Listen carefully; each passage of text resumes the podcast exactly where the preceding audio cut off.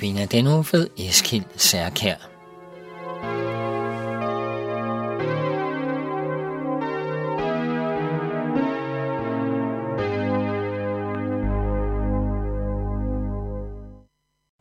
Goddag, jeg er Eskild Særkær og diakon.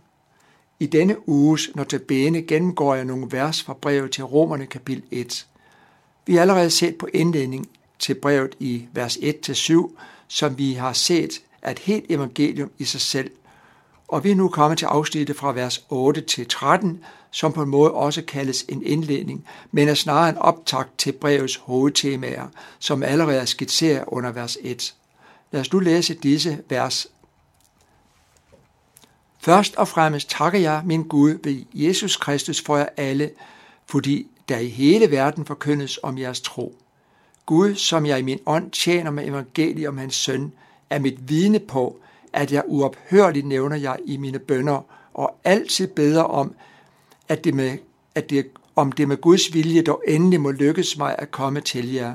For jeg længes efter at se jer, for at jeg kan give jer af åndens gaver, så I kan blive styrket, eller rettere, så vi sammen kan opmuntres ved vores fælles tro, jeres og min.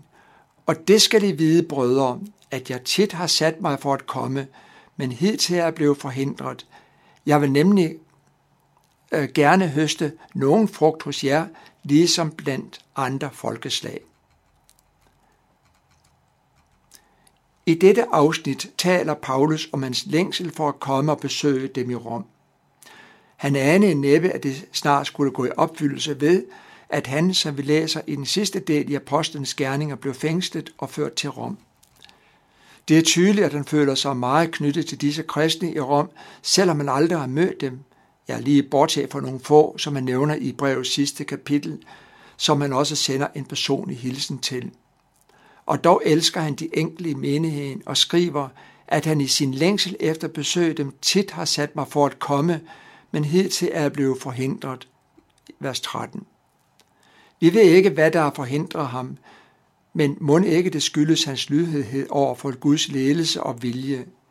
Et malende billede af dette forhold gives i Apostlenes Gerning kapitel 16, hvor han under en anden missionsrejse, eller under sin anden missionsrejse, er kommet til Lille Asien for at styrke menighederne, og i den forbindelse læser vi følgende passage. Så drog de igen de frygiske og galatiske egne, da de, altså han og Timotius, at Helion var blevet forhindret i at tale ord i provinsen Asien.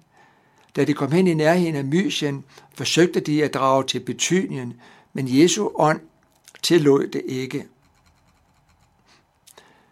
De drog da derfor igen Mysien og kom til Troas, og lige en parentes, det er en kystby med udsigt til Grækenland eller Makedonien. Om natten havde Paulus et syn. Der stod en makedonsk mand og bad ham og sagde, kom over og hjælp os.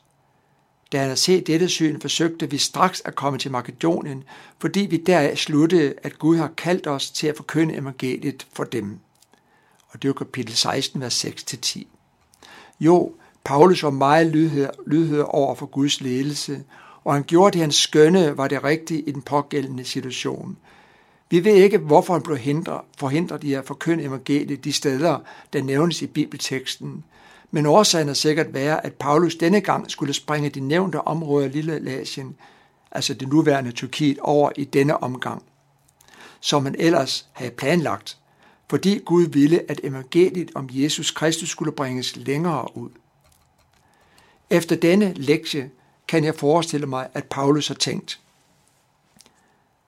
nu har jeg forstået, at alle folkeslag, der hører evangeliet, så mund Gud ikke også vil have mig til at forkynde evangeliet i Italien og fortælle dem om frelsen i Jesus Kristus.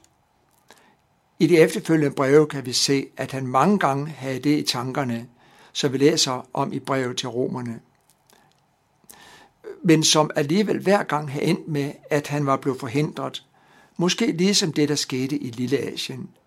Han blev på den måde klar over, at det ikke var Guds plan og vilje med ham endnu.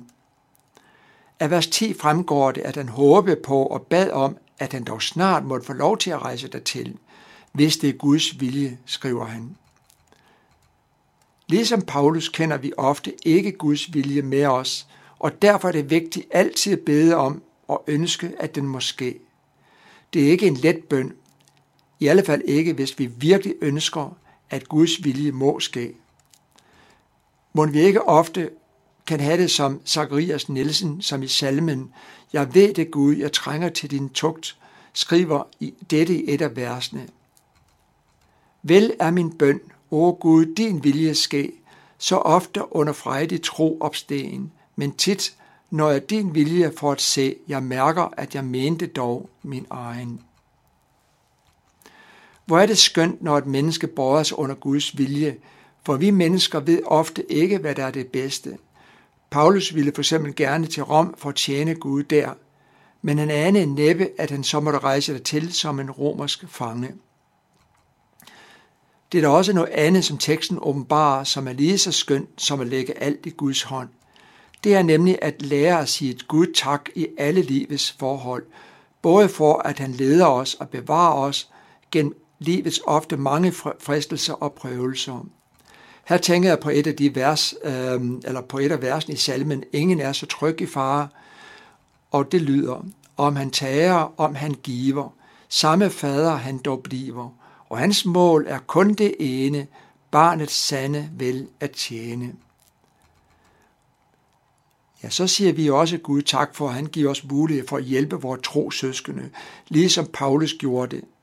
Der står, at han bad til Gud om at få lov til at komme til Rom for at hjælpe sine tro søskende der, som der står i vers 12, for at vi sammen med jer kan opmuntres ved vores fælles tro, jeres og min.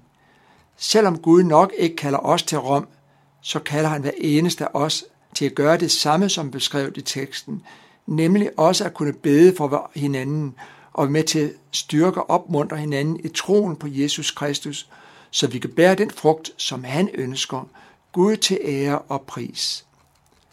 Ja, så når vi ikke mere i dag, men jeg håber, I følger med i morgen, når vi fortsætter ugens notabene øh, med de næste vers i Romerbrevet. Gud vil sige dig som lytter.